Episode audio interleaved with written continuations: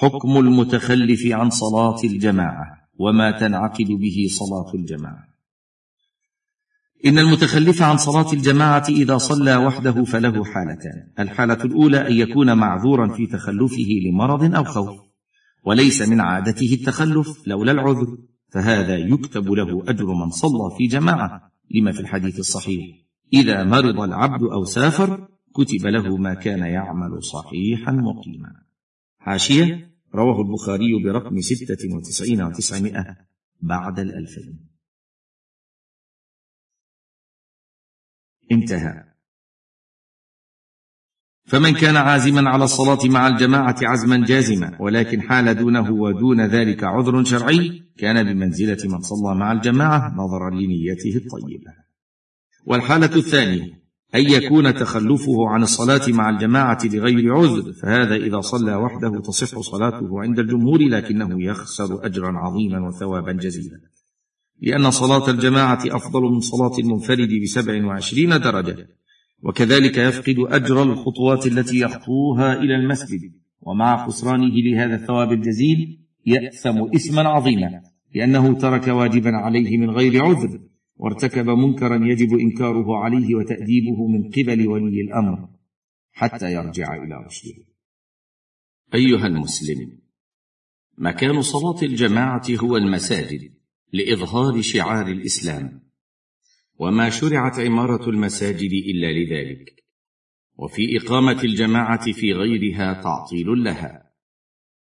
وقد قال الله تعالى في بيوت أذن الله أن ترفع ويذكر فيها اسمه يسبح له فيها يسبح له فيها بالغدو والآصال رجال لا تلهيهم تجارة ولا بيع عن ذكر الله وإقام الصلاة وإيتاء الزكاة. يخافون يوما تتقلب فيه القلوب والأبصار. وقال تعالى إنما يعمر مساجد الله من آمن بالله واليوم الآخر وأقام الصلاة. الايات ففي هاتين الآيتين الكريمتين تنويه بالمساجد وعمارها ووعد لهم بجزيل الثواب. وفي ضمن ذلك ذم من تخلف عن الحضور للصلاة فيها. وقد روي أنه لا صلاة لجار المسجد إلا في المسجد. حاشية رواه الدار القطني في الجزء الأول الصفحة التاسعة عشرة بعد الأربعمائة. والحاكم في الجزء الأول الصفحة الثالثة والسبعين بعد الثلاثمائة. والبيهقي في الجزء الثالث الصفحة السابعة والخمسين. انتهى. وعن علي رضي الله عنه مثله وزاد وجار المسجد من أسمعه المنادي رواه البيهقي بإسناد صحيح. حاشية. البيهقي في الجزء الثالث الصفحة السابعة والخمسين. انتهى. قال ابن القيم رحمه الله ومن تأمل السنة حق التأمل تبين له أن فعلها في المساجد فرض على الأعيان إلا لعارض يجوز معه ترك الجماعة. فترك حضور المساجد لغير عذر كترك أصل الجماعة لغير عذر وبهذا تتفق الأحاديث وجميع الآثار. انتهى. حاشية. الصلاة وحكم تاركها. ستة وستون ومائه علوم القرآن. انتهى. وقد توعد الله من عطل المساجد ومنع إقامة الصلاة فيها. فقال تعالى ومن أظلم ممن منع مساجد الله أن يذكر فيها اسمه وسعى في خرابها أولئك أولئك ما كان لهم أن يدخلوها إلا خائفين لهم في الدنيا خزي لهم في الدنيا خزي ولهم في الآخرة عذاب عظيم. وفي إقامة صلاة الجماعة خارج المسجد تعطيل للمساجد أو تقليل من المصلين فيها وبالتالي يكون في ذلك تقليل من أهمية الصلاة في النفوس. والله تعالى يقول في بيوت أذن الله أن ترفع ويذكر فيها اسمه وهذا يشمل رفعها حسيا ومعنويا فكل ذلك مطلوب. لكن إذا دعت حاجة لإقامة صلاة الجماعة خارج المسجد كأن يكون المصلون موظفين في دائرتهم وفي مجمع عملهم وإذا صلوا في مكانهم كان أحزم للعمل وكان في ذلك إلزام الموظفين بحضور الصلاة وإقامتها. ولا يتعطل من جراء ذلك المسجد الذي حولهم لوجود من يصلي فيه غيرهم لعله في تلك الحال. ونظرا لهذه المبررات لا يكون عليهم حرج في الصلاة في دائرتهم. وأقل ما تنعقد به صلاة الجماعة اثنان. الصفحة الخامسة والتسعون. لأن الجماعة مأخوذة من الاجتماع والاثنان أقل ما يتحقق به الجمع. ولحديث أبي موسى مرفوعا الاثنان فما فوقهما جماعة. رواه ابن ماجه. حاشية. برقم اثنين وسبعين وتسعمائة والحاكم في الجزء الرابع برقم واحد وسبعين وثلاثمائة. انتهى. ولحديث من يتصدق على هذا؟ فقام رجل فصلى معه فقال هذان جماعة رواه أحمد وغيره. حاشية رواه أحمد في الجزء الخامس برقم أربعة وخمسين ومائتين وكذلك تسعة وستين ومائتين والطبراني برقم سبعة وخمسين وثمانمائة وسبعة آلاف. قال الحافظ القصة المذكورة دون قوله هذان جماعة أخرجها أبو داود برقم أربعة وسبعين وخمسمائة والترمذي برقم عشرين ومائتين من وجه آخر صحيح. انتهى. ولقوله صلى الله عليه وسلم لمالك بن الحويرث وليؤمكما أكبركما. حاشية. رواه البخاري برقم ثلاثين وستمائة ومسلم برقم أربعة وسبعين وستمائة. انتهى. وحكي الإجماع على هذا. ويباح للنساء حضور صلاة الجماعة في المساجد بإذن أزواجهن غير متطيبات وغير متبرجات بزينة مع التستر التام والابتعاد عن مخالطة الرجال ويكن وراء صفوف الرجال لحضورهن على عهد النبي صلى الله عليه وسلم. ويسن حضورهن مجالس الوعظ ومجالس العلم منفردات عن الرجال. ويسن لهن أن يصلين مع بعضهن جماعة منفردات عن الرجال سواء كانت إمامتهن منهن أو يؤمهن رجل. لأن النبي صلى الله عليه وسلم آمر أم ورقة أن تجعل لها مؤذنا وأمرها أن تؤم أهل دارها. رواه أحمد وأهل السنن. حاشية. رواه أبو داود برقم واحد وتسعين وخمسمائة. وإسحاق بن راهويه في الجزء الأول برقم أربعة وثلاثين ومائتين وأحمد في الجزء السادس في الصفحة الخامسة بعد الأربعمائة وابن خزيمة برقم ستة وسبعين وستمائة وألف والبيهقي في الجزء الثالث الصفحة الثلاثين والمئة والدار قطني. انتهى. وفعله غيرها من الصحابيات ولعموم قوله صلى الله عليه وسلم تفضل صلاة الجماعة. على صلاة الفذ بسبع وعشرين درجة. حاشية. بالنسبة للحديث نفسه عن أمره أم ورقة أن تجعل لها مؤذنا قال الحافظ فيه عبد الرحمن ابن خلاد وفيه جهة وبالنسبة لحديث بسبع وعشرين درجة فقد رواه البخاري برقم خمسة وأربعين وستمائة ومسلم برقم خمسين وستمائة. انتهى. والأفضل للمسلم أن يصلي في المسجد الذي لا تقام فيه صلاة الجماعة إلا بحضوره لأنه يحصل بذلك على ثواب عمارة المسجد. فقد قال الله تعالى إنما يعمر مساجد الله من آمن بالله واليوم الآخر.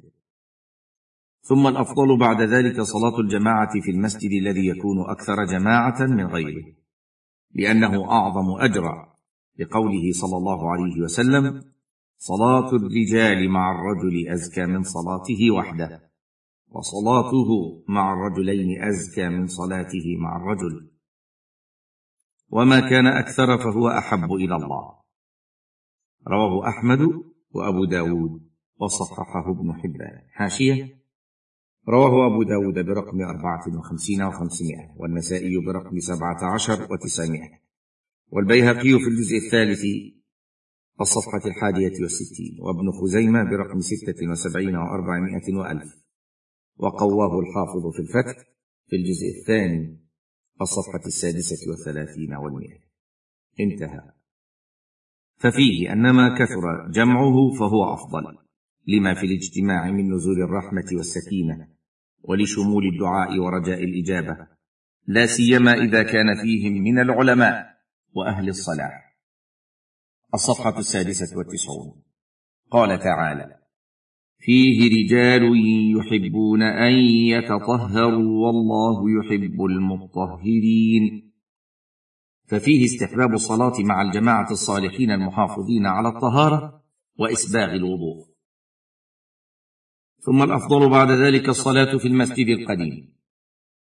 لسبق الطاعة فيه على المسجد الجديد. ثم الأفضل بعد ذلك الصلاة في المسجد الأبعد عنه مسافة فهو أفضل من الصلاة في المسجد القريب لقوله صلى الله عليه وسلم أعظم الناس أجرا في الصلاة أبعدهم فأبعدهم ممشى. حاشيه رواه البخاري برقم واحد وخمسين وستمائة ومسلم برقم اثنين وستين وستمائة. انتهى. وذلك بأن أحدكم إذا توضأ فأحسن الوضوء وأتى المسجد لا يريد إلا الصلاة. لم يخطو خطوة إلا رفع له بها درجة وحط عنه بها خطيئة حتى يدخل المسجد. حاشية. رواه البخاري برقم سبعة وسبعين وأربعمائة ومسلم برقم تسعة وأربعين وستمائة.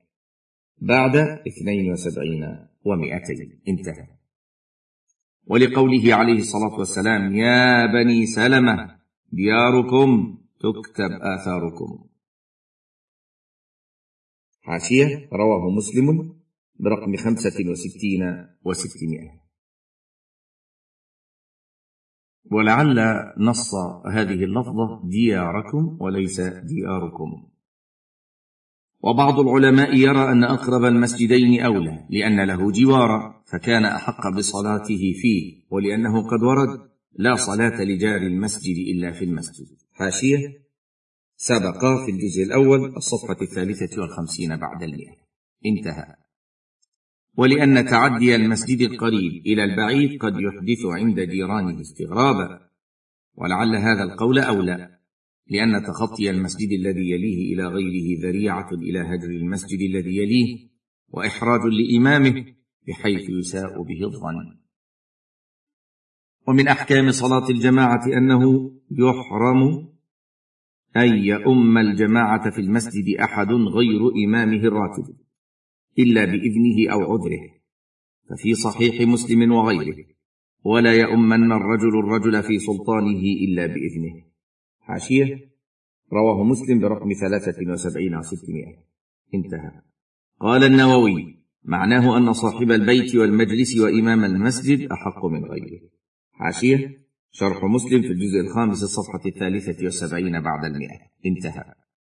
ولأن في ذلك إساءة إلى إمام المسجد الراتب وتنفيرا عنه وتفريقا بين المسلمين. وذهب بعض العلماء إلى أنه إذا صلى بجماعة المسجد غير إمامه الراتب بدون إذنه أو عذر شرعي يسوغ ذلك أنه لا تصح صلاتهم. مما يدل على خطورة هذه المسألة. فلا ينبغي التساهل في شأنها. ويجب على جماعة المسلمين أن يراعوا حق إمامهم ولا يتعدوا عليه في صلاحيته. كما يجب على إمام المسجد أن يحترم حق المأمومين ولا يحرجهم.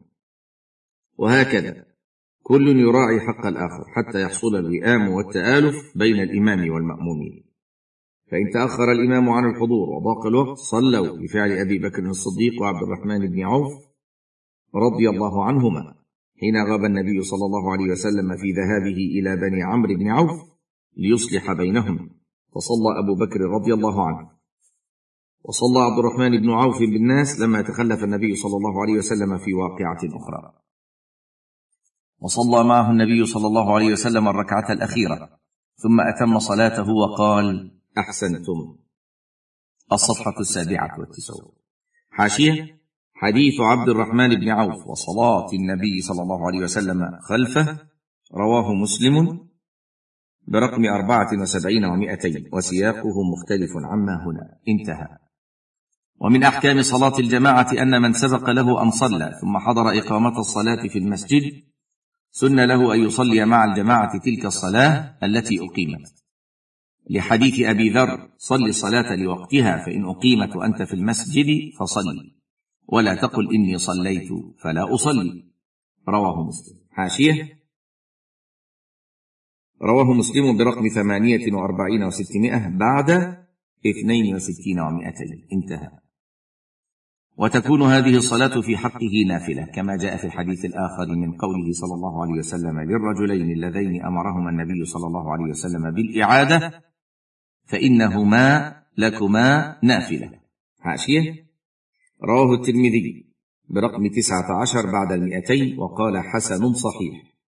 وأبو داود برقم خمسة وسبعين وخمسمائة. والنسائي في الصغرى برقم ثمانية وخمسين وثمانمائة. وأحمد في الجزء الرابع الصفحة الستين والمئة. وابن حبان برقم أربعة وستين وخمسمائة بعد الألف. وحسنه الهيثمي في الجزء الثامن الصفحة الثالثة والثمانين بعد المئتين. انتهى. ولئلا يكون قعوده والناس يصلون ذريعة إلى إساءة الظن به وأنه ليس من المصلين. ومن أحكام صلاة الجماعة أنها إذا أقيمت الصلاة أي إذا شرع المؤذن في إقامة الصلاة لم يجز الشروع في صلاة نافلة لا راتبة ولا تحية مسجد ولا غيرها. لقوله عليه الصلاة والسلام إذا أقيمت الصلاة فلا صلاة إلا المكتوبة. رواه مسلم. وفي رواية فلا صلاة إلا التي أقيمت. حاشية رواه مسلم برقم عشرة وسبعمائة. والرواية لفظ لأحمد في الجزء الرابع الصفحة الثانية والخمسين والثلاثمائة. انتهى. فلا تنعقد صلاة النافلة التي أحرم فيها بعد إقامة الفريضة التي يريد أن يفعلها مع ذلك الإمام الذي أقيمت له. قال الإمام النووي حاشية الشرح على صحيح مسلم في الجزء الخامس الصفحة الثالثة والعشرين بعد المئتين. قال الإمام النووي رحمه الله والحكمة أن يتفرغ للفريضة من أولها فيشرع فيها عقب شروع الإمام والمحافظة على مكملات الفريضة أولى من التشاغل بالنافلة. ولأنه نهى صلى الله عليه وسلم عن الاختلاف على الأئمة ولحصول تكبيرة الإحرام. ولا تحصل فضيلتها المنصوصة إلا بشهود تحريم الامام وإن أقيمت الصلاة وهو في صلاة نافلة قد أحرم بها من قبل أتمها خفيفة ولا يقطعها إلا أن يخشى فوات الجماعة. لقول الله تعالى ولا تبطلوا أعمالكم. فإن خشي فوت الجماعة قطع النافلة لأن الفرض أهم.